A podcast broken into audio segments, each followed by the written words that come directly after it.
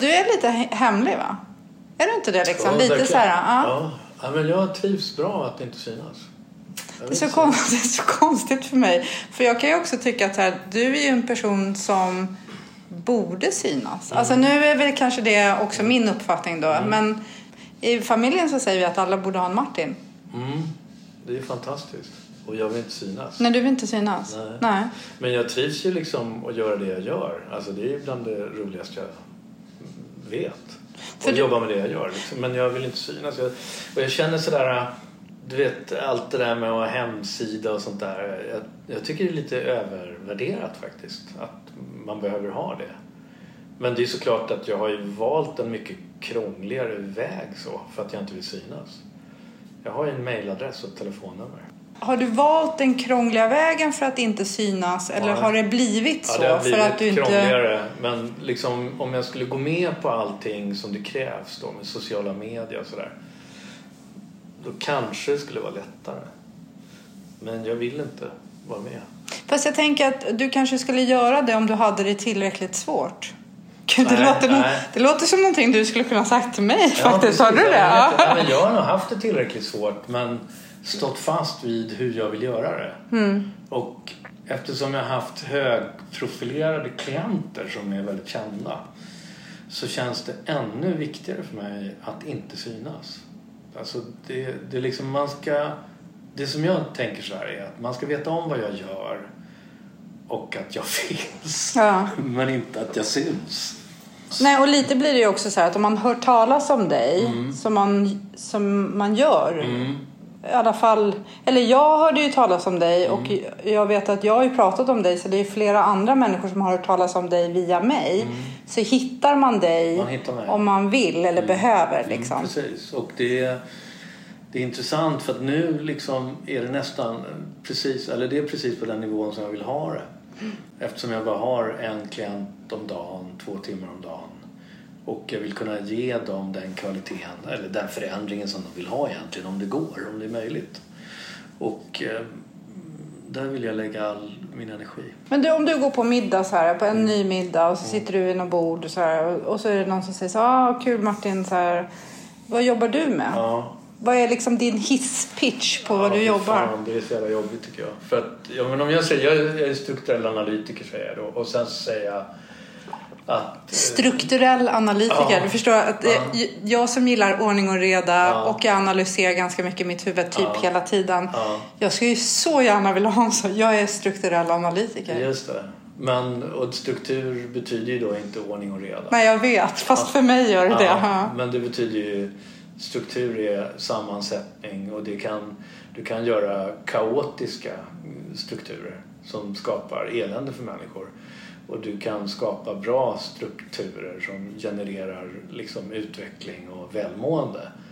Det så det, du kan verkligen skapa allting. Jag tänker så här, när jag, 12-tons komposition, känner du till det? Nej. Det är liksom dissonant musik egentligen. Musik som inte har, den är inte- melodisk.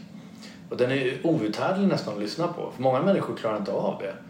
Min pappa fick så present, Bergvallhallen på, när han fyllde 70 tror jag, eller 80, 80 var det. Och så bjöd vi honom på Bergvallhallen och då var det 12-tons komposition då. Jag tror Allan Pettersson, svensk kompositör. Och det första min pappa sa, nej fy helvete sa han. Allan Pettersson, liksom. Värdelöst. Värdelöst. Och, tolv- och det är liksom musik som egentligen är strukturerad dissonant. Vilket, den har liksom ingen melodisk klang. Vilket gör att den kan vara så här... Ding, ding, kadaboo. Ulf Björlin som gjorde Saltkråkan faktiskt. Musiken Ja, ja. Han gör väldigt mycket Ja. dissonant musik. Ja. I Saltkråkan ibland. Så ibland har han en 12-tonskomposition där vilket är extremt djärvt för en barn-tv liksom. Men det är också struktur. Så struktur kan generera saker. Det är liksom sammansättning. Och när man kan analysera det då kan man se förutsägbarhet. Då kan man se vad som kommer att hända. Och så är det med människor också. Vi, vi är förutsägbara. Vi är väldigt förutsägbara. Så det är både människor och organisationer? Ja, egentligen allting. Så allting har en sammansättning. Man kan analysera vad som helst i princip. Men det är såklart människor. Jag är intresserad av människor. Jag jobbar med människor. Och det här är ämnat för människor. Naturligtvis, så är det. Liksom Men jag tänker när jag, när jag säger organisation, är det inte liksom människorna i en organisation? Ja, fast organisation är ofta opersonlig så det är mycket enklare att hålla på med. Det är människorna som är komplicerade. Det är det enda elementet. Vissa människor är väldigt komplicerade Ja, och, och vi alla, andra nästan. inte så. Nej, alla, är det. alla är komplicerade. Alltså mäns, människan är ju komplex. Eh, Annars så väldigt motsägelsefull. Men, men det måste då tänka så här, då, strukturer blir, och det kan vara Mm. bra strukturer men, och som det är ordning och reda på. Men det kan också vara strukturer, eller det har egentligen inte med ordning och reda Nej, att göra alls. ordning och reda. Det kan vara fungerande eller in- inte fungerande. just det. Och alltså dysfunktionella strukturer. Och, och för att beskriva det på ett enkelt sätt så kan man ju säga så att man på en arbetsplats så kan det vara så att du har en struktur som genererar att du har en chef som till slut slutar för att det är för jävligt, det går inte att jobba där. Och det uppstår mobbningssituationer och allt möjligt konstigt. Och sen så, nej men nu sätter vi in en annan person på det här stället istället. Och sen så går det ett halvår så är den lika frustrerad. Då kan man säga, då är verkligen strukturen bad. Den genererar det här hos människorna så att den här chefen eller så blir utsatt för strukturen. Det är Men du- bortom dens kontroll egentligen. Skulle det inte kunna vara så då att om man, om man, jag, jag, kan ju ofta komma in i organisationer där det har varit just det. Att det är Mm. någon chef som har slutat och så har det kommit en ny och så har inte det riktigt funkat. Mm. Och så kommer det någon tredje, kanske till och med någon fjärde. Men skulle inte du säga att det behövs ett visst typ av ledarskap för att bryta strukturer? Det finns ju ändå ledare som skulle kunna ta sig an en sån grupp. Ja, fast du måste förändra någonting i strukturen då. Men ge mig något exempel på vad det skulle kunna vara om vi ska göra det konkret. Mm. Under början av 2000-talet, eller vi säger så här, 90, in, in, inför EU, alltså att Sverige skulle gå med i EU. Så skulle man omvandla eh, den offentliga sektorn och sänka kostnaderna på den för att få gå med egentligen. Och eh, det betydde att man skar ner liksom, som en osthyvel på all verksamhet för att komma till någon liksom, lägre kostnad för den offentliga sektorn. Eh, och det var ju, tror jag, Göran Persson som var en av dem som var delaktiga i det som finansminister. Men då i alla fall så efter det så började det här med gå in i väggen fenomenet komma i större omfattning. Och eh, mitt påstående är, eller liksom min slutsats av det var att eh, relationen mellan arbetskapaciteten, de som skulle utföra jobbet och arbetsbelastningen var skev helt plötsligt. Så man hade mer att göra än vad man hade personal för att göra. Och då spelar det ingen roll vad de gör. Då kan man säga, men var lite kreativa. Man då. Kom igen, ni kan göra på ett annat sätt. Men hur du än gör det då så är arbetsbelastningen densamma. Och eh, det belastar de människorna så mycket så till slut så blir de uttröttade. Och det är rent matematiskt. Liksom, du kan inte lägga för mycket arbete på en given individ. Och då var vi ändå det mest effektiva landet i världen enligt OECD. Vi hade flest, alltså mest effektiva mantimmar per dygn, per individ då, alla kategorier. Och det var 5,6 timmar effektiv arbetstid. Av åtta som man är där. Ja, av den tiden man var där och då ändå hann vi inte med att göra de sakerna vi skulle göra. Vi låg alltid efter. Men du, det här tycker jag är superintressant. För jag kommer ju ofta in i organisationer där det här är ett, en utmaning. Och, jag, och jag har själv också kommit till enheter där jag har varit ledare. Där jag har blivit satt som ledare på sådana avdelningar. Och, och lite så här, vi hinner inte. Jag, ibland så tänker jag så här, det blir också lite ett mantra. Ja, det är lite det man bondar i liksom i en arbetsgrupp. Vi har så mycket att göra, vi har så mycket att göra, vi har så mycket att göra. Och att man också kanske från ledningshåll tänker så här, ni måste jobba fortare. Fast jag tänker ju så här, vi ska inte jobba fortare, vi ska jobba annorlunda. Mer det, effektivt. Ja, alltså mer effektivt. Ja, kanske mer produktivt tänker jag. För vi kan ju vara sjukt effektiva fast inte produktiva. Ja, nej men eller hur? Jag kan jag köra buss jätteeffektivt. Men jag kör bussen på ett ställe där det inte finns några kunder. Då är det inte så produktivt. Nej, men det hänger jag med Men, men jag tänker så här att för att jag, jag upplever ofta att, att man kommer till en arbetsgrupp så är det, alltså det finns, eh, om, om jag skulle ta så här, det finns alltid någon person som tycker att man ska göra saker på ett visst sätt. För så har jag alltid gjort det. Mm. Och det är det här sättet som det ska göras på. Sen kan det komma in någon chef som säger så här, fast vet du vad Lisa, de här 20 procenten av den här processen som du gör, de kan du sluta göra. Nej, de är jätteviktiga säger jag. Nej, det är de inte längre. Så de kan du sluta göra. Eller de är nice to have, men inte need to have. Mm, Inte necessary. Ja. Och, och så här, du behöver fokusera på det här eller du behöver prioritera det här. Eh, då kanske jag gör det ett tag. Men väldigt snabbt går jag tillbaks till det som jag själv tycker är viktigt. Och nu ska jag också säga att det är inte alltid jag tycker det är det, är det viktiga. Utan det kan också vara det som jag kan. Alltså det gör mig till viktig på avdelningen. Eller du vet så här, vi frågar Lisa för hon har jobbat här i, i så många år. Hon vet hur det var innan. Eller, förstår du? Alltså det blir lite min identitet. Och då går jag inte in i en ny arbetsprocess. Nej, men jag skulle säga sådär att det är bortom det. För att det, du kan göra bra saker liksom utan att förändra strukturen. Du kan få människor att bli effektivare och produktivare. Men, men jag skulle mer säga så här att om vi tar papper till exempel och vi tar den digitala tillvaron som vi lever i idag då. Då har man ju liksom mer eller mindre tagit bort man har sagt att antagandet är att vi kan ta bort alla papper. Vi behöver inga papper, vi har digitala grejer. Men hur kommer det sig att det blev dubbelt så mycket papper fast vi har den här digitala liksom, maskineriet? Då? För det är det det har blivit efteråt, då, bokförings... Alltså, det kanske kommer till en annan förändring i framtiden men det är inte så att det blir mindre papper utan det är tvärtom. Så slutsatsen var helt felaktig från början. Att, att vi lägger till det här elementet i strukturen, den digitala tillvaron, så försvinner alla pappersprodukter.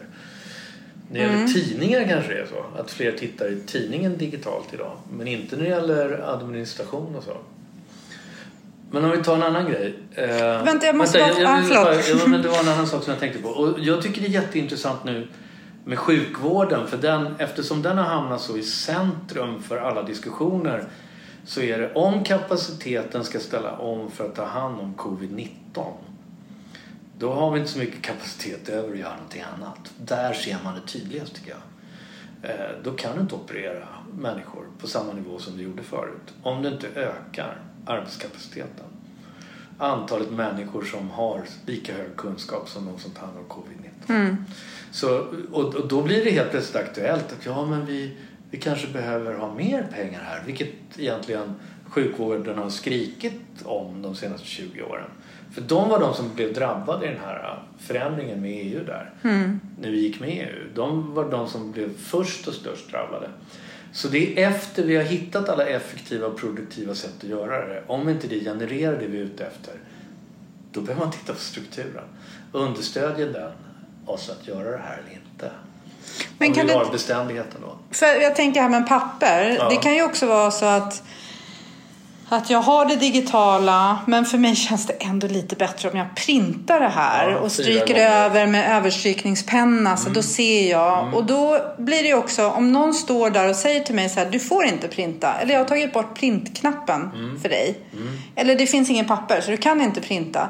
Då kommer jag sakta men säkert lära mig att göra det digitalt. Mm. Eller om man ser nu när vi inte ses lika mycket. Liksom, men vi har inte lika mycket möten. Ah, nu är allting på Google Hangouts eller Zoom-möten. Så här. I början bara, nej, jag gillar inte det. Jag var en sån. Vi, vi kan ta ett Skype-möte. Fast för mig är det inga problem att komma till er, sa jag. Ja. Och eh, alltså för några år sedan, man fick någon länk man ska kl- klicka på. Jag tänkte, kommer aldrig funka, kommer aldrig funka, kommer aldrig funka. Och så bara, oh, oh, det funkar. Ibland så tänker jag att vi behöver bli puttade över kanten. Absolut. Men Och- då har inte det med strukturen att göra. Jo, men i, i det här fallet så håller jag med att de digitala mötena som har dykt upp nu har ju med att den strukturella förutsättningen fanns ju redan. Och eh, det var bara att vi tycker det är trevligare att träffas in person som människor. Mm. Annars skulle vi nog ha gjort den här förändringen tidigare. Tidigare. Framförallt när det gäller internationellt samarbete. Varför flyga i- iväg? Om det är en klimatkris då kan man ju köra ett digitalt möte. Mm. Det sparar ju på alla sätt och vis och eh, är ofta väldigt effektivt. Men då, om inte strukturen fanns för det. Alltså här kommer ett nytt element in som är den digitala eran. Det vill säga att vi kan göra det på det här sättet. Eh, Och, och det kanske har funnits ett tag men ändå liksom har vi inte utnyttjat det. Men telefonen, mobiltelefonen, det är liksom, det är också en ny struktur. Att kunna gå och prata i telefonen när vi vill, hur vi vill. Alltså, den viljan verkar ju människor ha att vilja kommunicera hela tiden med mobiltelefonerna. Mm. Och vi inte hade det när du och jag var små då ringde man ju en gång om dagen. Mm. Och då hoppades bara att någon var hemma som svarade. Mm, jag kommer ihåg när telefonsvararen kom sen. Ja, sen kom det Det var liksom- ja. Det, här är ju, det här är ju strukturella förändringar. Där vi börjar bete oss annorlunda efter att strukturen förändras. Men det har ju också med vårt tankesätt, för det är också en struktur. Jag tror att jag fastnar i att struktur för mig är ordning och reda. Ja, det gör Och, ja, och att man säger så här, gör det. att, det är, att jag är en strukturerad person. Ja, Och för- så när du... Så för mig blir det så svårt för att orden är Ja, och det, det har med det svenska språket att göra. För structure på engelska, det är mer sammansättning. Det har inte med ordning och Vi har en koppling till ordning och reda. Och, och därför när du ställer frågan så här, men hur gör du om jag är på en middag och så. Alltså, egentligen så tycker jag det är ganska jobbigt för jag vet att det är så komplicerat att förklara. Så människor blir mer förvirrade efter ett tag när man sitter med den här middagen. Så jag brukar försöka säga så lite som möjligt. Eh, Man blir väldigt intresserad i början och sen tröttnar man när jag börjar förklara. Skulle jag säga. Det skulle inte jag göra. Jag skulle Nej, bli men du är jättenyfiken. intresserad av det. Men många Ja. människor liksom, okej, han är strukturell. Och då försöker man också sätta det i en box så här. Ja, finans, ekonomi då eller? Nej, säger jag. Beteendemönster? Ja, då, alltså man vill köra in det i något fack så här. Man är inte intresserad. Någon kanske är intresserad och, och lyssna på vad det verkligen är. Men många vill få en bekräftelse på vad de tänker kring det. Och när det blir lite komplicerat och slut, då, då tröttnar de. Ibland kan det ju vara bra, tänker jag så här, när man inte vet själv, Mm. att då skulle man ju kunna förklara för ett barn. För barn har ju Mm. ofta en förmåga, tycker jag, att göra saker väldigt enkelt. Kanske så enkelt så att vi hellre skulle vilja lägga till något för det blir för enkelt. Men om det är så komplicerat att förklara att eh, det är komplext även för barn då, hur gör man då? Nej, men jag tänker också att om jag ska förklara vad jag gör Mm. för dig eller om jag förklarar för ett barn så förklarar jag på ett annat sätt. Mm. Och då kanske bara det sättet, nej jag vet inte. Ja, har jag, en men jag kompis håller som- med. Jag skulle också vilja hitta den där... eh, Den hisspitchen liksom. eller Typ waiter pitch. Men jag kan säga att den inte... Då skulle jag säga att ja, man jobbar med förutsägbarhet. Då, Ja, det- då hajar- folk till. ja. Intressant. Ja, kan du förutsäga grejer? Ja, säger jag. Hur då? och då kommer den här en timmas förklaringen då, efter det. Ja. Men det kan man säga. Och det skapar intresse, det förstår ju jag. Att liksom, ja, kan du förutsäga grejer? Men om man tittar på den mänskliga strukturen, alltså hur vi är strukturerade, så har ju vi tankar och idéer i huvudet som påverkar oss.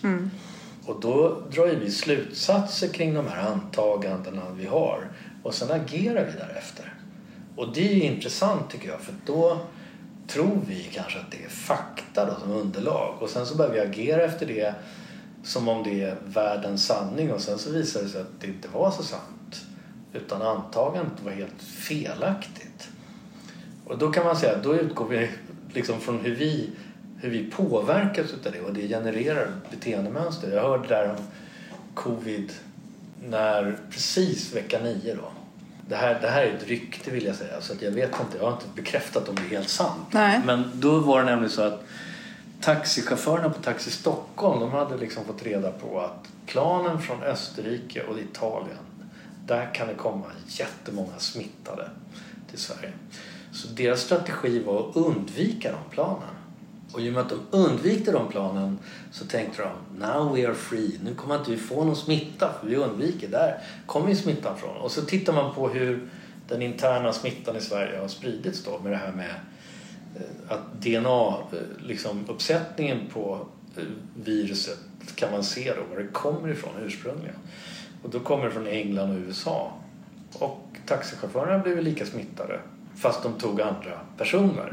Och här är det ju liksom en slutsats som de har dragit som var uppåt väggarna egentligen. Så för att om man inte ska bli sjuk då ska man inte åka till Arlanda överhuvudtaget. Nej. Det var ju slutsatsen då. Men Så- det där, så är, det- där- det, där måste vi ju göra ganska ofta. Alltså vi fattar beslut på fel underlag. Och jag Ja. tänker att man Ja. fattar beslut på tidigare erfarenheter, på kunskap som man har och på värderingar som man har någonstans i botten. Eller principer har ju vi pratat om Ja, också. precis. Ja, just det. Eh, Men principer är ju mer sådär...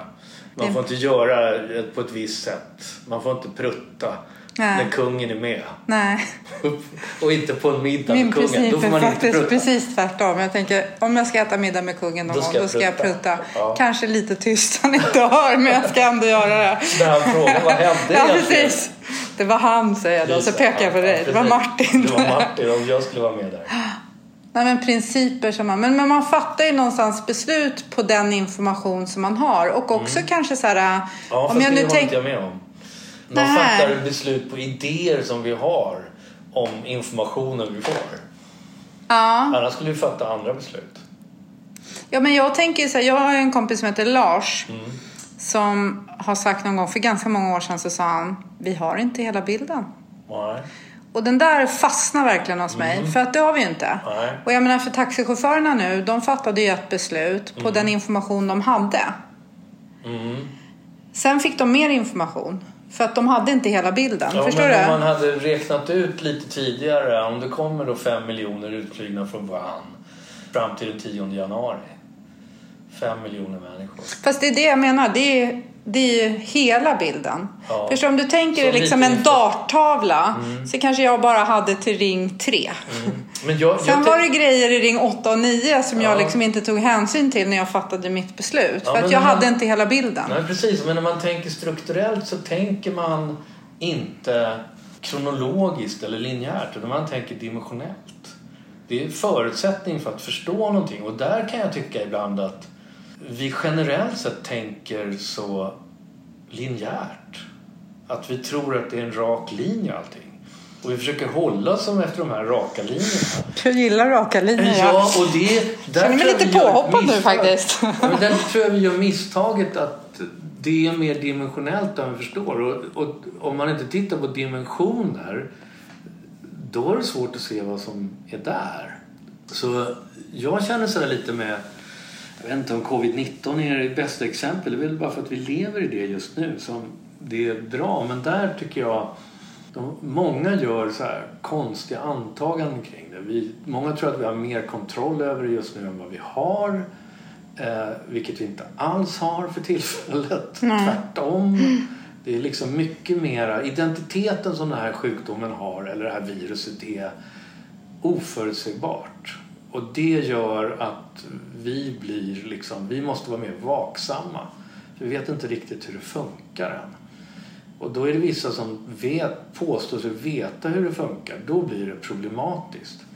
Och här håller jag med din kompis Lars. Här har vi verkligen inte hela bilden. Men bilden vi har är att det är väldigt oförutsägbart. Och utifrån det kan vi redan börja agera. Det, det skapar en förutsägbarhet i vårt beteende om vi förstår det. Men, men jag tänker också så här, en så här förutsägbarhet Mm. som man kan, som jag vet att man sa i början när covid liksom satte igång eller Mm. när det började vara presskonferenser på tv klockan två. Det var ju, det är många länder som har haft eh, lockdown, eh, Mm. helt lockdown eller delvis eller sådär, skolor stängda och inte stängda och så. Mm. Och Sverige har ju haft en linje som sticker ut får man ju ändå säga. Liberal. Ja, Alltså Precis. Ja. Ja, väldigt fri. Ja. Och det är kanske så frihet under ansvar. Jag, om jag skulle dra det till ett företag som jag jobbar med så har jag frihet under ansvar fast alla människor är inte kapabla att ta ansvar. Ja, För att är det. om jag går bort här i Stockholm på Medborgarplatsen så är det ju så mycket folk där så att där är man bara inte. Liksom, förstår du? Jag, först, jag kan inte fatta hur folk går in och sätter sig på en Nej. sån restaurang. Jag skulle aldrig göra det.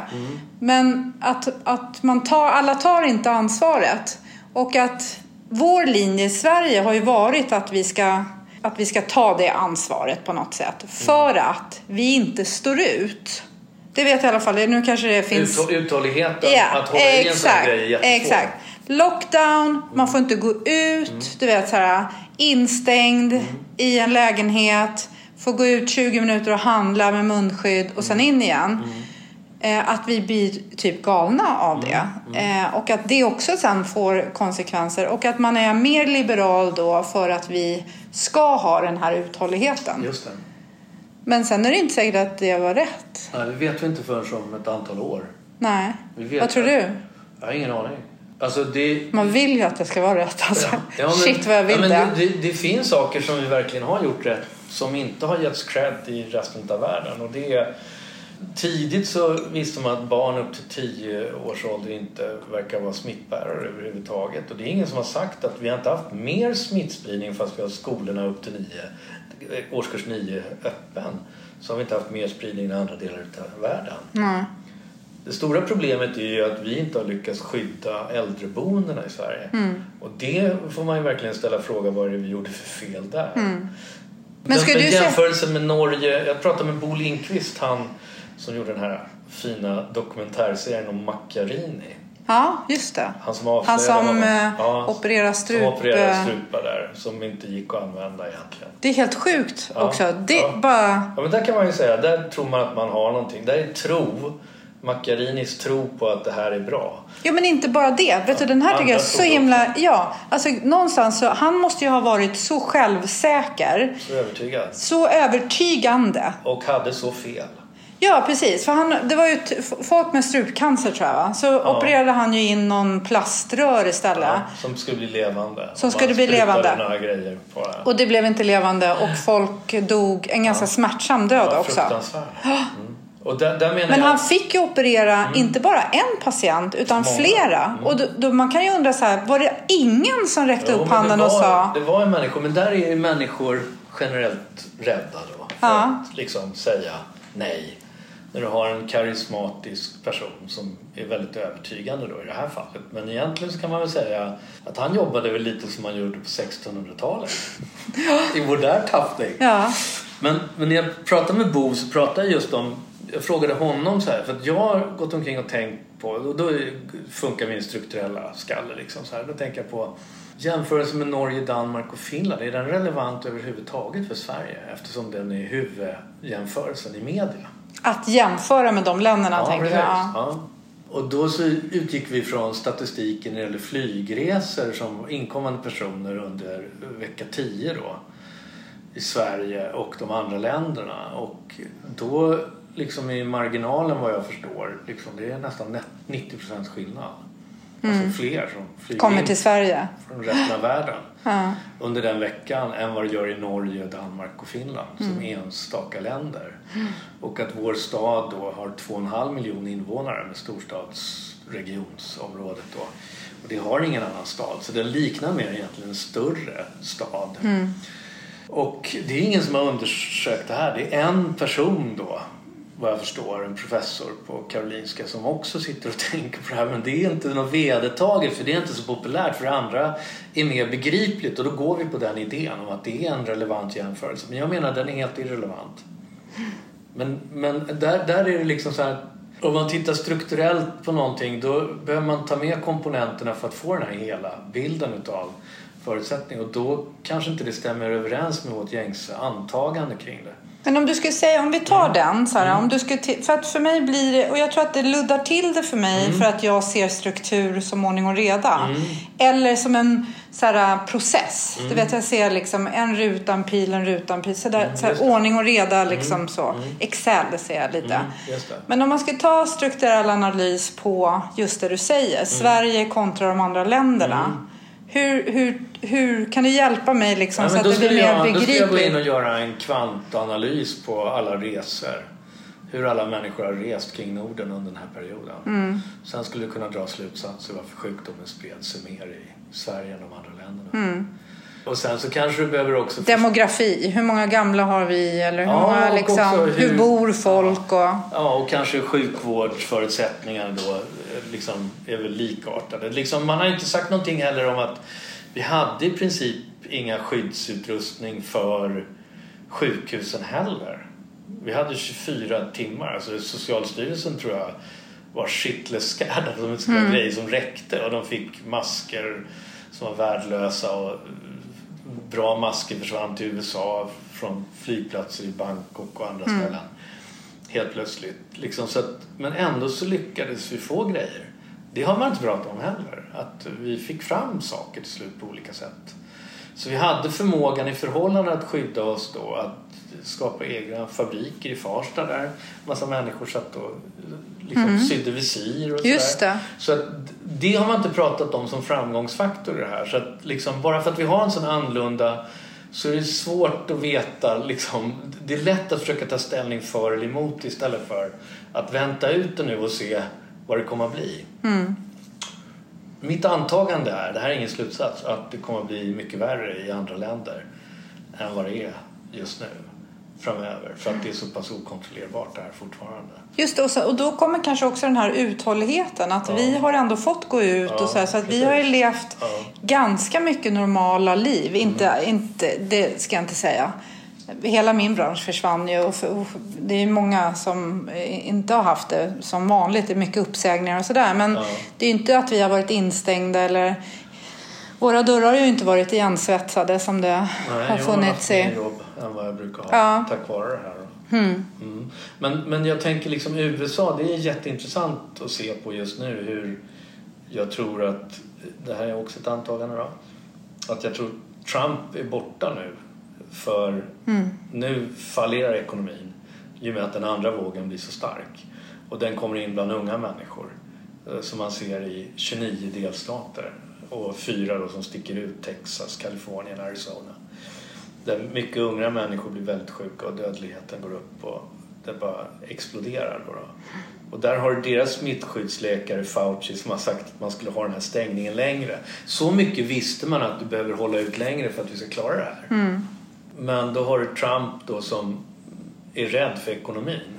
Och jag menar på att hans rädsla styrde honom i det beslutet som han tog att öppna upp samhället för tidigt. Mm. Och det kommer att göra att han faller nu. För det har varit hans nyckelgrej under hela hans period. Mm. Men om den trovärdighetsbiten, om han själv har varit med och raserat den, så tror jag det är svårt att plocka upp det. Mm. Men jag tänker också så här, om man, om man går tillbaka till strukturell analys. Här, skulle du säga att vi kommer ändra strukturer nu mm. efter corona? Ja, alltså, det, om, om man tittar då på det här viruset då det är roligt ja. att vi pratar om det här. Ja, det är roligt. ja.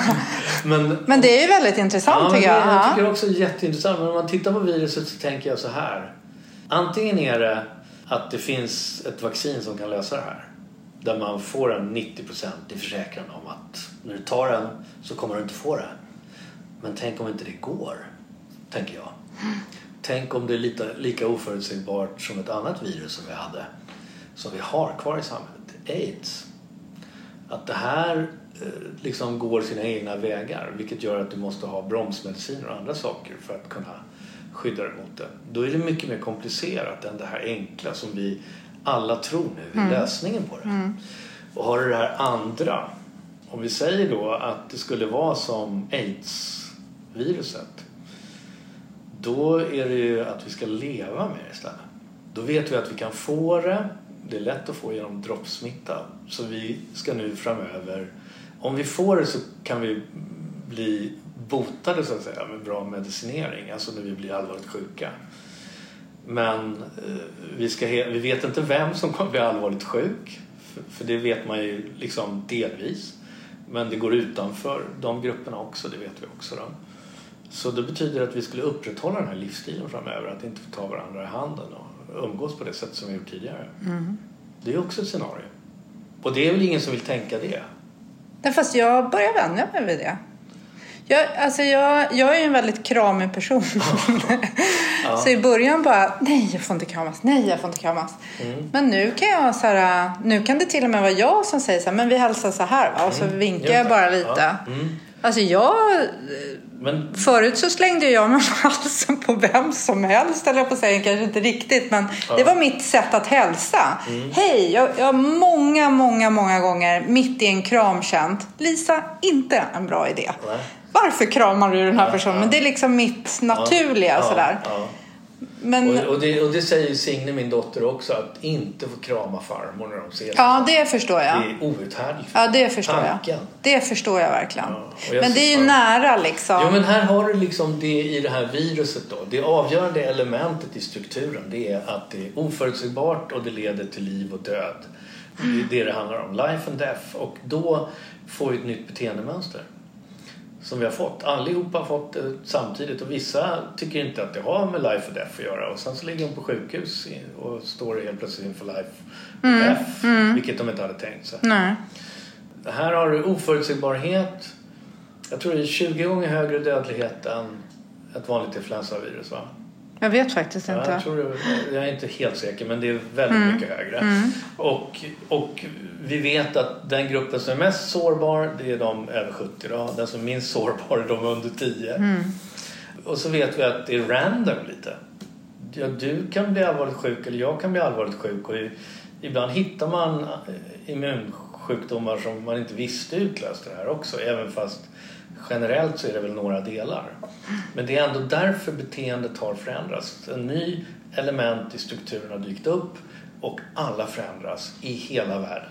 Och så kan man säga då, de som var minst benägna att förändras har det väl gått sämst för då. Brasilien, USA och Ryssland då. Brasilien han säger att det, det finns ju inte. Det, det, det är som vanlig förkylning. Nu var de uppe i 60 000 döda igår. Så, så ju sämre koll man har på läget ju sämre verkar det gå. Och det är väl lite så strukturell analys ska hjälpa människor med. Det är att hjälpa dem att kunna göra bra avvägningar för att ta beslut som genererar det man vill då egentligen. Och inte det man inte vill i det här fallet då. Och att, att det inte också heller så upprepar sig. Att man Ja, liksom... Och- För jag tänker, nu pratar vi liksom om ett helt land och man ska Ja. prata om en organisation Ja. som gör, hamnar i samma dilemma Ja. hela tiden. Eller en person, tuppen jag, som, Grattis som ändå så här, liksom när jag kommer till dig och du bara, ja, jo, jag visste att det skulle hända. alltså att man är förutsägbar liksom. Men, Men, men, det, det, jag tycker det är intressant att vi är, vi är mer förutsägbara. Det här som alla säger som ett mantra att liksom förändring, change is the name of the game. Och det där, liksom, det är verkligen inte så. Liksom, ibland så är det kontinuitet is the name of the game. Bara jag får ha allt på samma sätt hela tiden och så kommer någon och säger ska vi ändra det? Nej! Nej. Alltså det blir nästan så. Men sen blir det ju också en liten fluga så här. Vem vill ha förändring? Tuppen jag. Ja. Mm. Vem vill förändras? Nej, inte jag. Alltså, det, jag, jag jobbar på ett jättebra sätt så att alla andra kan förändras och de jobbar på mitt sätt. Ja, det. det blir dubbeltumme på det. General Electric de hade en sån där bärande idé när de skulle gå in och köpa bolag. För att man visste att eh, samgåenden då mellan, när man köper upp då bolag är misslyckade i 70% av fallen. Det finns ju statistik, så här, Harvard och alla har gjort liksom. Men de flesta samgåendena ger inte de här liksom, synkroniseringarna mellan bolagen och effekterna då. Men de som är störst i världen då, det är de, de hade att förändringsbenägenheten, om motståndet var 26% så köpte de inte bolagen. Men, men motståndet var... Förändringsbenägenheten. Hos förstår personalen Hos eller hos liksom, ja. Man mä- mätte då all personal och så vad skulle ni säga om ni blev uppköpta utav oss? Och då var det 25% som hade motstånd. Let's buy. Var uppe på 26% så sa de vi köper Nej, inte. För nej. då vet de att de kommer inte få ut de där effekterna utav uppköpet som de hade tänkt då. Nej. Men med den, och de byggde, har byggt sina beslut på fakta för att växa. Och det är väl världens största bolag tror jag. Och de flesta andra bygger inte på fakta utan liksom let's buy that company. Yeah! Och så kanske förändringsbenägenheten är 27% motstånd då. Och så kommer det gå åt helvete.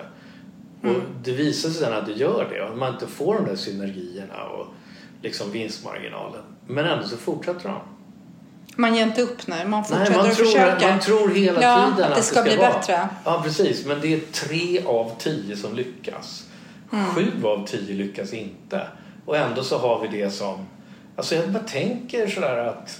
Men är det en struktur skulle du säga ja, då? Det, absolut. det ska man kunna Ja, säga en struktur. Ja. Det, det säger då att förändringsbenägenheten med uppköp är mycket svårare än vad man tror. Det, strukturen är att det är svårt. Jag har ju varit inne i några sådana bolag Ja. och, det som, alltså, och även så i större bolag där man kanske har slagit ihop enheter. För det behöver ju inte bara Nej, vara nej, att det är ett stort Kan- företag som köper ett annat företag. Ja, det kan vara en, Ja. eh, två team som man ska slå ihop till en Precis. eller blanda eller göra om till tre eller Ja, sådär. det. att väldigt, väldigt ofta i min bild Mm. att man, eh, man tittar liksom på processer och rutiner Mm. och det slår man ihop. Men man missar helt kultur. Ja. Alltså lite så här det som sitter i väggarna eller the way we do things Ja, around people. here. Ja, Mm. eh, och det, det tittar man inte alls på. Och då blir det lite så här eh, att det är någon som Mm. printar sina mail för att man vill stryka över. Och då, man, det finns ingen uppföljning, det finns heller ingen konsekvens. Eh, Nej, och också där har du Kultur. ett element som du måste ta med i... Det är det jag menar. Ja, människor är förändringsbenägna det finns en bra anledning. Skulle jag säga. Alltså, då vill vi förändras. Att vi har övergått från telefonsvarare till mobiltelefon, det ville majoriteten av människor. Annars skulle vi gå omkring med telefonautomat, alltså telefonsvarare fortfarande. Bara ha en telefonsvarare i fickan istället. Vi vill inte prata med dem. Men det var bra anledning att göra förändringen. Och det är väl färre, det är väl några författare som har kvar sina gamla skrivmaskiner fortfarande. Sitter och plinkar på dem. Det är lite kult också. Ja, det, så precis. det kan ju vara lite sånt. Ja, precis. Det är det. Men det är lättare att skriva på en dator. Mm. Där du kan arrangera om allting i texten och sådär efter utvecklingen sker. Så det vet människor. Det är enklare, det går bättre. Så där har vi gjort, liksom, där, där gör vi de förändringarna. Men de förändringar som vi inte lyckas med då, vilket är många, där det finns strukturella skäl varför vi inte lyckas med det. Det är en dålig anledning att göra det. Kanske till att börja med. Fast det kan ju också vara så här i, ett företag så kan det, eller på en, arbetsplats så kan det ju vara så att jag tycker att jag inte vill. Mm. Men företaget som jag ändå betalar min lön, Mm. det tenderar folk att glömma ibland tycker jag. Att man faktiskt får lön för att man ska göra något. Just det, men det Och kan då vara kan- då kan det- en dålig anledning i alla fall.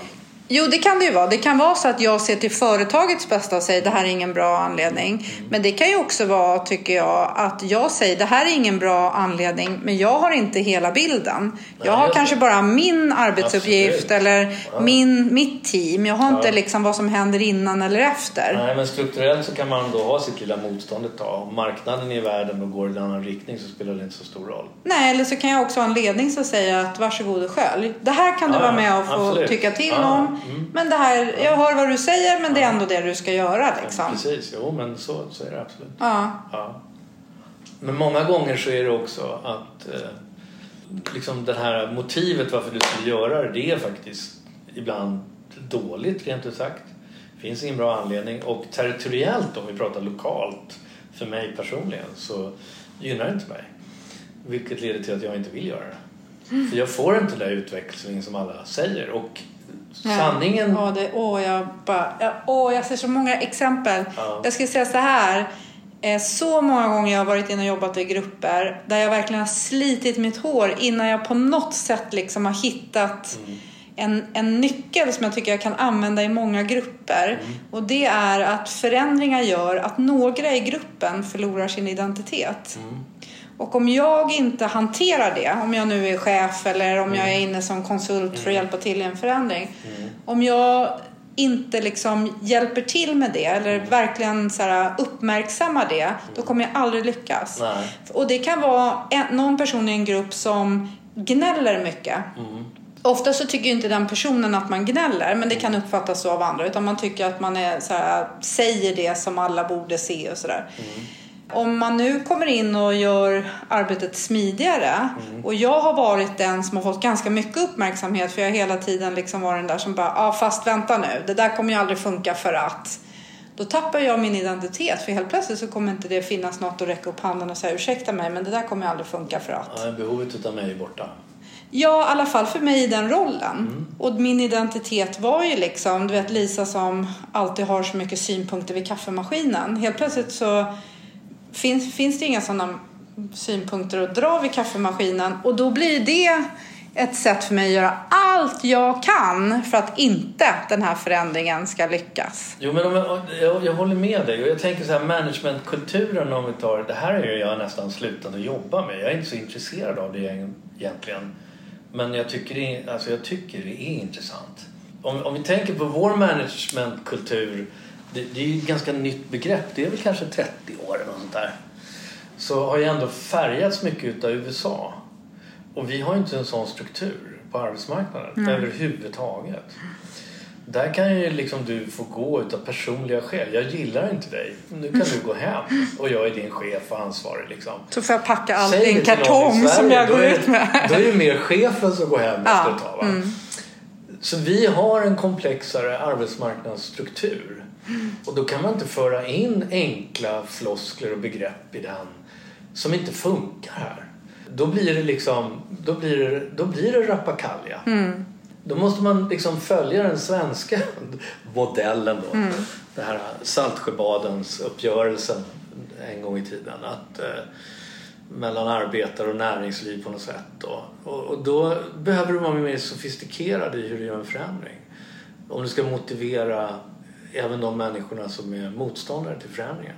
Men, men en annan sak är liksom, har man starka åsikter till någonting, det tar ju ofta de som ska förändra det som personligt också. Om jag är ledare och chef, kanske jag, jag är chef för gäng avdelningarna, så ska vi göra den här förändringen. Man har varit med i hela processen, sen ska man ner och presentera så får man ett mjukt Jaha, liksom. det blir, förstår du, nästan som stand-up comedy fast tvärtom. Reaktionen är verkligen liksom, "Ja, var det här, det här var det vi skulle få. Det är det här ni har jobbat med i två Det här år. precis som alla Jösses. är jätteglada för varje gång de kliver ut i det här Ja. rummet. Va? Och det är ju bara en åsikt från dem. Din uppgift är ju det, liksom, att hitta vad som finns som skulle övertyga dem att vilja gå med. Och där tror jag många gånger det är stora brister. Det är väl därför du och jag är sådana som kommer in. Att liksom, ska man titta på vad som genererar de här människorna att genomföra förändringen. Jag har ju utifrån en kollega i USA som har en väldigt spännande tanke kring hur man ökar kapaciteten i alla företag. Det är genom att ta gnällbältet, de som är sämst på att prestera och öka deras prestation Ja, höja lägstanivån. hög, höja lägstanivån. Ja, så har jag då, alltid då, tänkt. Då kommer inte folk gå in i väggen. Att man tar, kan du få upp alltså 10% av deras prestation så kommer det gynna alla. Ja. Och det är bara det att det är lite jobbigare. Förstår du? Det kommer ta lite mer tid och kraft att göra det. För det är alltid lätt att ge det till de här Ja. förändringsbenägna människorna. Och snart har de så mycket på sitt bord att man ser att de går in i skärmen. Sen är det också så här tycker jag att om du har en grupp Mm. och så ger du dem som liksom är högpresterande. Så här, kan du hjälpa mig med det här? Kan du hjälpa Mm. mig med det här? Så, så kommer, och så högpresterar de. Skulle du mäta liksom så gör de mycket mer än alla andra. Ja. Jag kommer som ledare aldrig få med mig den stora massan Nej. om jag har en. Alltså om jag tänker så här, Martin han är så himla bra Mm. och han, gud vad han gör och han gör mer än dubbelt så mycket som alla andra. Mm. Gruppen kommer aldrig kunna identifiera sig med Martin. Nej. Utan, jo men det är ju Martin.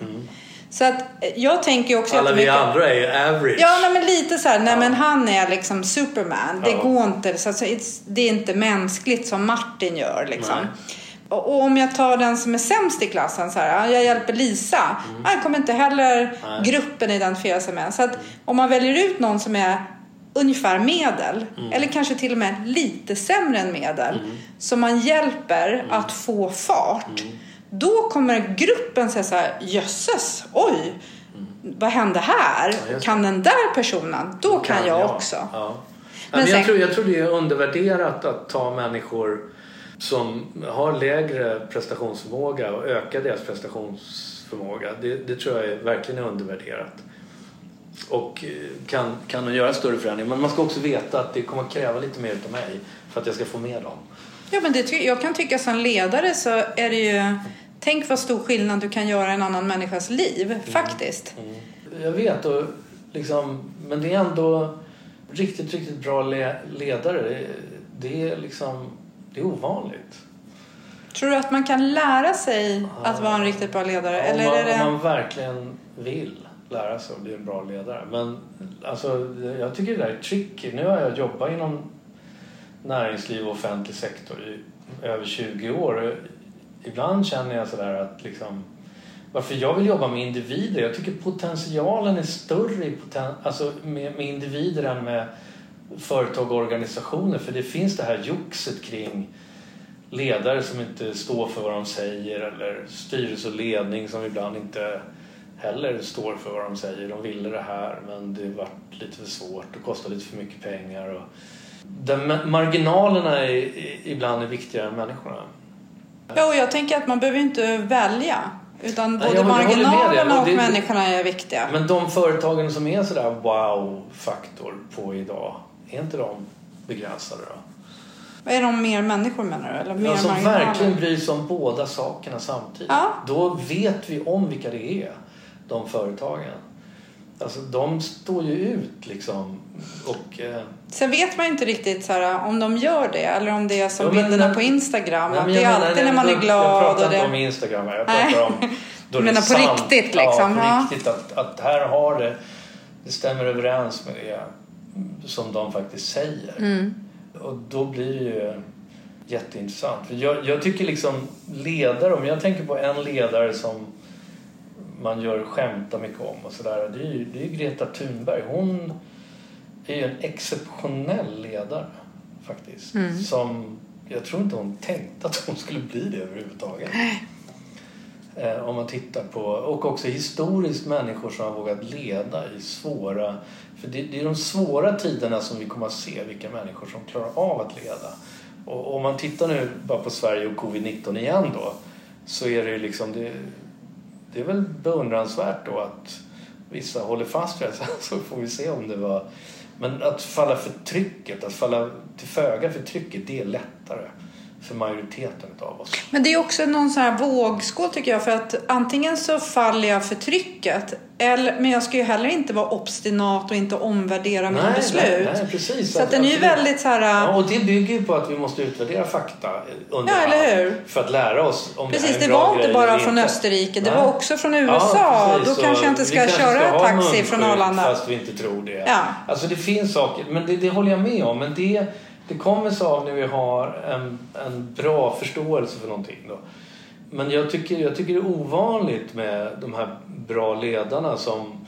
Och då pratar jag inte om färgstarka människor. Jag menar, Greta Thunberg är väl inte den mest karismatiska personen. Fast hon är ändå färgstark skulle jag säga. Ja, men Eller? jag tycker ändå liksom, hon är lite så torftig liksom säga ja men det där kommer gå till helvete med det där.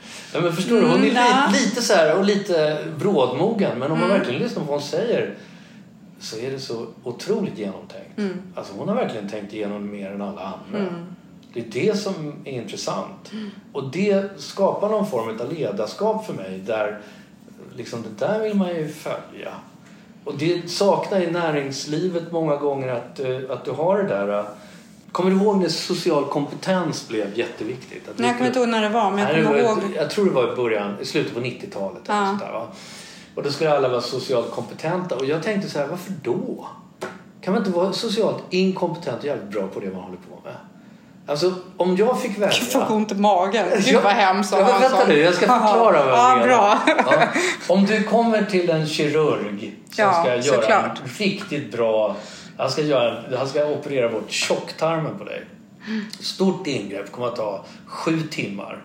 Och han är socialt kompetent men du tvivlar på om han kommer att kunna göra det. Mm. Men han är så charmig så du liksom Förstår du? Och sen så kommer du därifrån och då har du inte bara tagit tjocktarmen utan lite alla andra tarmar och tarmar också. Ja. Framför en torr jävla tråkig läkare som vet precis vad han ska göra. Och vad han ska skära och hur det ska gå till för att du ska vem väljer du? Det är inget snack om att du väljer.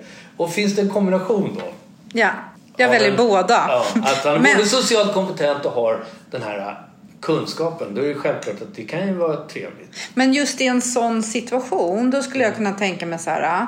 Jag tror att jag kanske har hört någon säga det här, eller om jag läste. Jag tror det här är så bra så jag har nog inte tittat på det själv. Det är bäst att säga på en gång. Men jag tänker mm. att i framtiden så kanske det blir så att det är en kirurg mm. men sen är det ett filter mellan kirurgen och patienten. Mm. Så den som pratar med mig har social kompetens mm, men det är inte den personen som sen opererar. Det är AI.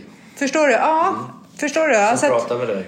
Eller så är det AI som opererar. Ja, kanske. Jag vet inte. Alltså att, att, lite så här att tidigare så när du var doktor då var det liksom en viss kompetens som behövdes. Mm. Eh, jag tänker ofta när jag går till läkare, jag var hos ortopeden idag, men när jag går till läkaren så tänker jag väldigt ofta på min mormor. För hon mm. lockade håret när hon skulle till, eh, var fint. doktorn. Liksom. Det var så här, klädde upp sig och, och sa typ så här, nej jag har inte så ont. Mm. Så sa hon ju, fast hon hade det liksom, för att man skulle skärpa sig när man var hos doktorn. Men att det är, yrken förändras. Och att kanske så här om, inte vet jag, 20 år, då kanske jag sitter med någon barnbarn och säger så här, men du vet när farmor var liten, då var doktor, det var bara en person. Ja. Det var också den som skar mig som sen pratade med mig. Förstår du att det kanske ändras? Jo, det, För att det är kommer olika kompetenser som behövs. Att man delar upp processen. Ja, fast vi faller lätt till föga för vissa saker. Att det är bättre med social kompetens i alla lägen. Nej, jag håller inte med. Eh, Du kan vara snurrig i allt möjligt så länge som du är professionellt. Eh, Jag menar, det- Tegnell, han är väl liksom ingen charmknutte. Fast han blir bättre om man ska, nu ska Men se fortfarande på... så är han ju jävligt torftig när han står där på presskonferensen. Jag och- gillar det. Ja, jo, precis. Jag Men älskar ju nördar, Det här alltså. kanske har med kultur att göra. Ja. Vi tänker kring svenskar och sådär. Va? Men, men det menar jag. Jag har större förtroende för honom och Anders Karlsson heter den andra va? Johan Karlsson. Ja, Johan Mm. Karlsson.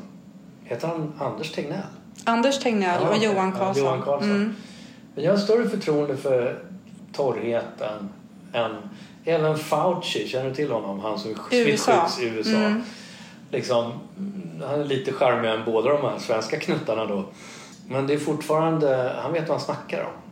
Och, men egentligen så vet vi ju inte om de vet vad vi snackar. Jo, vad de snackar. Ja, du vet. Men, Nej, här, men det vet du också. ja, fast jag tänker så här att... Oförutsägbarheten är fortfarande jättestor. Ja, men Det jag tänker, ja, okej, men jag tänker att Och det, det kan ju vara, jo men det är också så här hur du uttrycker dig, hur du för dig, vad du har Mm. för kroppsspråk.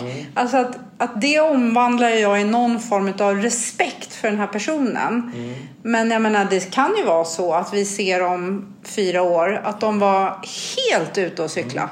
Det, vi- så, förstår jag menar? Jag tycker Mm. Ja. ändå så här att jag tycker att man ska ifrågasätta. Jag håller med. Oavsett om man tycker att det är rätt eller fel nu. För att vi har inte hela bilden. Nej, men just nu så ifrågasätter man utifrån att man inte har hela bilden.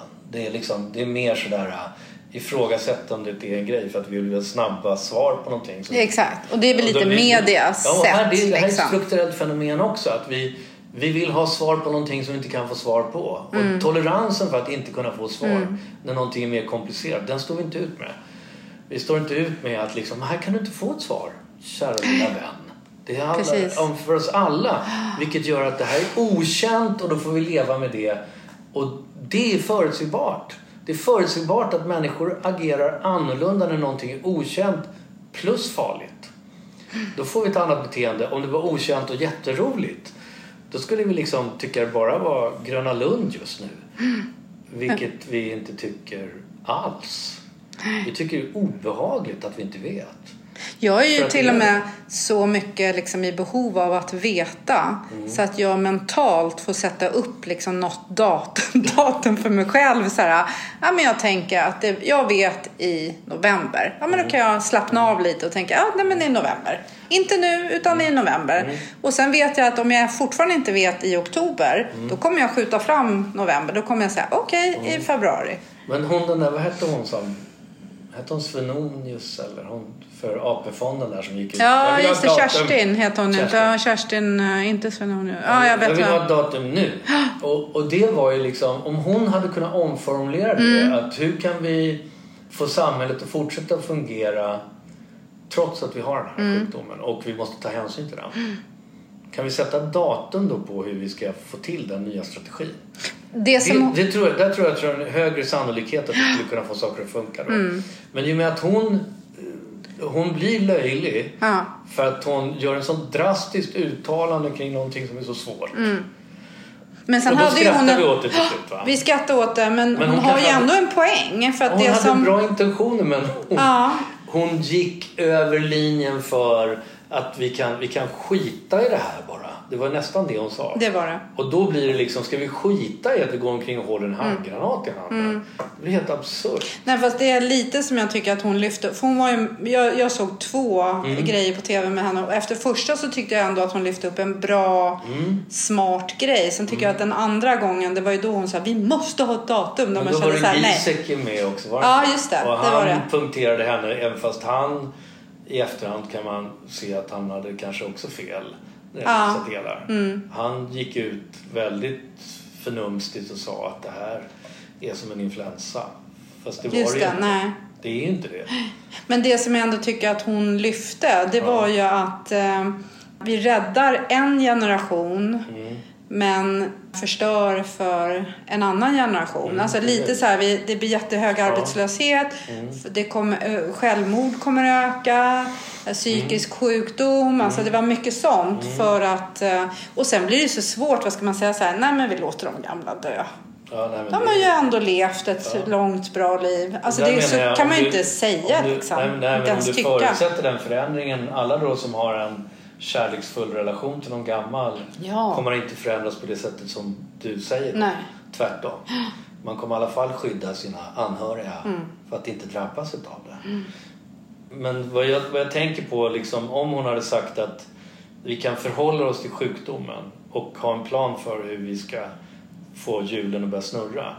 Och ändå så har vi som det land i världen bibehållit det mest utav alla. Mm. Förstår du? Där ligger vi längre fram än alla andra länder och det är inte, någon, det är inte så många som pratar om det just nu. Nej. Att vi har liksom faktiskt vissa, även fast många drabbas då utav av det här eh, så är det liksom att man försöker hitta någon form utav balans i hur vi gör det här. Mm.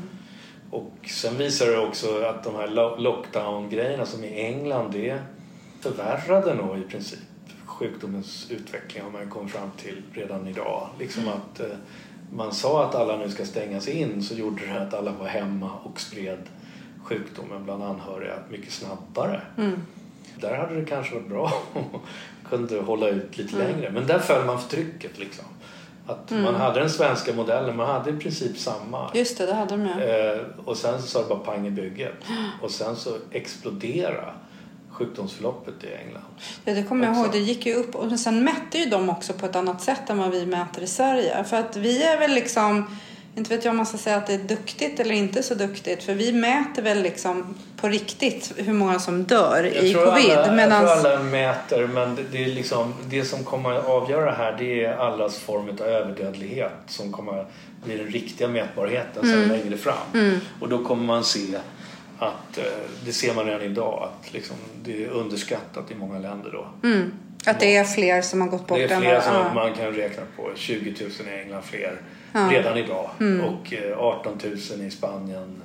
Nästan 20 000 i Italien. Så Mm. det, det, och det, då är det bara hur hög är dödligheten under de här månaderna och sen mäter man hur hög det var Innan, nu. ja. Ja, Mm. precis.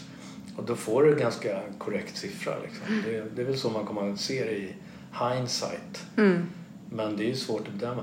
Alltså det är roligt det här att vi har pratat om saker som jag inte alls hade tänkt att jag skulle prata om. Nej, men vi pratar ju alltid om en massa så. Men jag har Ja, faktiskt nej, en fråga det- som jag ändå skulle vilja säga. För att Mm. du, du har ju jobbat mycket med eh, organisationer så här, och sen så gillar du mer att jobba med individer. Mm. Ja. Och det kan jag verkligen känna igen mig i för att det känns som att man har större möjlighet att påverka. Mm. F- för mig tycker jag att, att jobba med en organisation så blir det på ytan och sen Mm. går jag. Och då gäller det ju liksom att det är någon som håller i för att Mm. det liksom ska bli en bestående förändring eller förbättring. Sådär. Ja. Men alltså, jag vet att vi har pratat om tidigare det här med att när man är ledig och när man jobbar. Och att du har sagt till mig så här, men nu jobbar du ju fast du är ledig. Alltså att det är lite så här mitt jobb. Att ha koll på folk, att kommunicera på ett bra sätt och så här, se hur folk beter sig och sådär. Hur ofta gör du, liksom sitter du på en middag och tänker så här, åh den där personen är så där och tittar jag holistiskt så är det den, alltså hur ofta analyserar du strukturerat eller strukturellt? tiden, ja, det gör det. Ja, Mm. gör det. Du säger aldrig sen så här, du förresten, det här kommer hända det igen gör och igen och inte. igen. Nej. Alltså jag, jag, ja, jag har lärt mig det där att verkligen inte... Liksom, att lägga sig i en annan människas liv som inte vill att man ska lägga sig i deras liv. De har inte bett om det på något sätt. Det, alltså när jag började med det här så gjorde jag det hela tiden. Första två åren när jag skulle lära mig det. Då, jag hade ju så mycket klienter. Jag misslyckades ju med dem fatalt för jag kunde det ju inte. Och jag testade liksom. Och vissa säger nog inte hej till mig fortfarande. Mm. Sådär, för jag, men jag sa ju till dem att nu ska du vara min guinea pig här och jag ska lära mig det här. Mm. Men då ställde jag ju frågor som var ganska djärva. Men om man tittar på idag så kan jag ju se då att om det är någon som jag vet har panikångest till exempel som är en nära vän så skulle jag kanske vilja hjälpa den att kunna bli av med det där. För det vet jag att jag har nog förmågan att göra det. Så kommer jag aldrig säga det till den. För den vet ju vad jag jobbar med. Och så. Och då, om den vill det någon gång så kommer jag ställa upp. Men eh, förstår du? Där Jag jag förstår. deras liv. Nej, jag förstår. Men samtidigt så tänker jag... Nej, det förstår jag. För det är ditt jobb lite. Mm. Men jag tänker att du skulle ju ändå kunna säga så här där, Psst, Lisa, det där skulle jag kunna hjälpa dig med. Ja. Om du vill. Jo, men förstår det har jag gjort någon gång. Ja. Absolut. För sen, det har då, jag gjort. Alltså, det är inte så att jag är, har en princip kring att Nej. jag aldrig får göra det. Och om jag ser att någon lider av någonting som jag faktiskt kan försöka, försöka hjälpa dem med. Då kommer jag nog försöka, eller kommer jag Mm. erbjuda min, min tjänst. Liksom. Men, men när folk kommer till mig som är väl motiverade redan från början så är det fantastiskt att se de förändringar de går igenom. Genom att vi har ett antal samtal och hur fort det går och hur förvånade de blir. Tuppen jag kan jag säga. Va? Tuppen jag. Jag är ett Ja. levande exempel. Ja, absolut. Eh, Jag vet när jag hade träffat dig första gången så Mm. sa jag så här, vad får jag för läxa? Och då skrattade du lite och sa, du får ingen läxa. Nej, och jag tänkte så här, men om jag inte får någonting som jag ska tänka på till Ja. nästa gång så kommer det inte bli Ja, du något av det här. Så, du var ju ändå så här lite glad. Någon annan kan bli rent ut sagt förbannad att de inte får läxa. Och så säger jag, det finns ingen läxa. När du har föräldrar så kommer du föräldrar. Du ska, grejen är att du har jobbat på det här i 35 eller 40 år. Mm. Du har jobbat hela tiden på att upprätthålla det. Det är väl skönt att sluta jobba på det. Mm. Liksom, så det är ingen sån här att man ska jobba på någonting utan ser vi den strukturella förutsättning som leder till att du lider idag och vi kan upplösa den då kommer en ny struktur genereras sedan som är något helt annat. Och, och det inget, när det är klart så är det klart.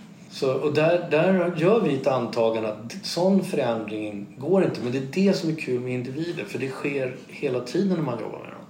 Och vissa tar det längre tid för. Alltså det gör det. Och vissa går skitsnabbt. Alltså min grej är väl att jag är snabb. Men jag har ju klienter som tar lång tid, som har tagit flera år. Och sen så säger pang i bygget. Mm. Och så sker hela förändringen. Och det är väl den uthålligheten att jobba med dem tills så länge som de vill liksom gå igenom det som krävs. Mm. Ibland lider de mer. Och det är skitjobbigt för dem. Mm. Att börja se grejer som man inte har tittat på. Mm. Och ibland så är det så enkelt som man undrar liksom, ja. här var det. Mm. Jag har gått omkring det här i 20 år. Och det var så här enkelt. Mm. För att det är så enkelt. Så det, det, men individer är, det är jättehäftigt. Och, liksom, och vi har ju så mycket idéer som vi går omkring och jobbar på. Som vi tror är, är bra för oss. Som är helt eh, knäppa. Hur lika är vi?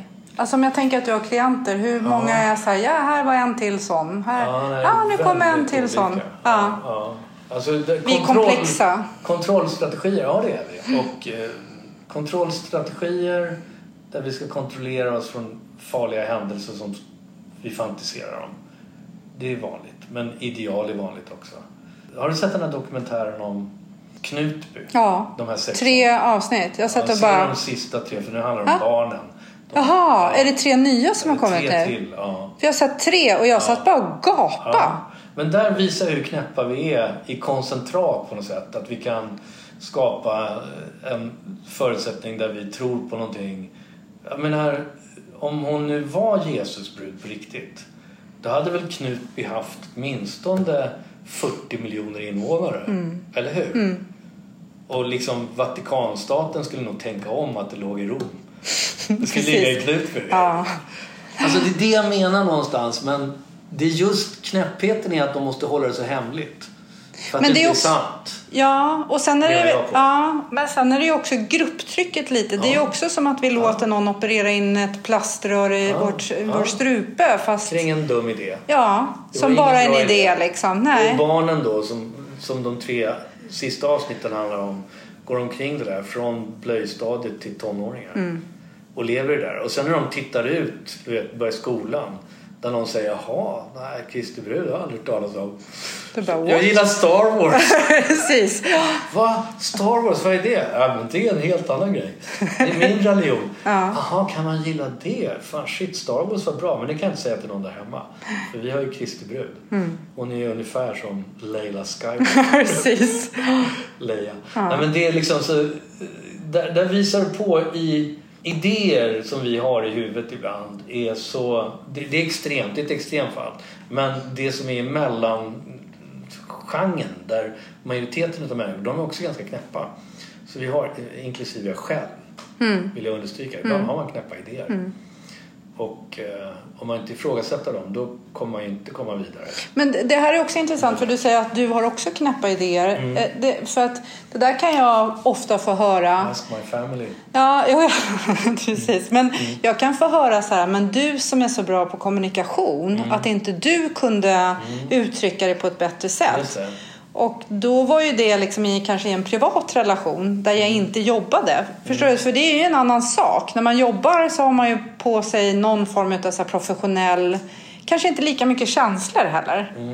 Men Jag tycker liksom konstnärer alltså, är ofta bättre på att uttrycka det mänskliga tillståndet än bra forskare eller psykologer eller sådär. För om man vill göra en trovärdig människa i en roman då får man kämpa med att kunna skriva ner liksom, hur en människa beter sig. Då måste man observera dem väldigt noggrant och se hur vi pratar och vad vi gör.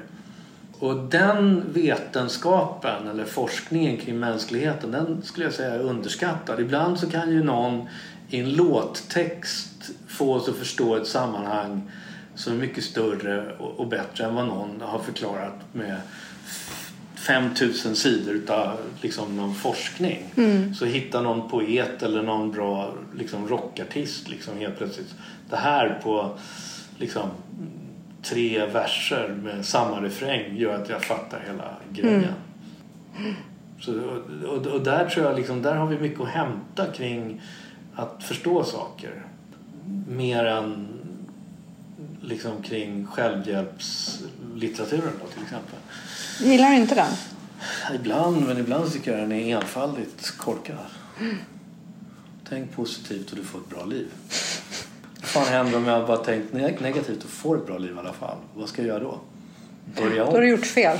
Då får du börja Då har om. du gjort fel. Ja, du har gjort fel. Det var inte bra Martin. Du har gjort fel. Jag har gjort fel. Ja. Då får du gå till Martin, tänker just det. jag. Jag jag vet en som du kan gå till då, som kommer hjälpa dig Ja. och titta på den där. Ja. Ja. Ja. Mm. Du, jag blir alltid klokare Ja. när jag pratar med dig. Ja, det var skitkul att prata. Ja. Verkligen. Tack snälla för att du kom. Ja, tack för att jag fick vara här.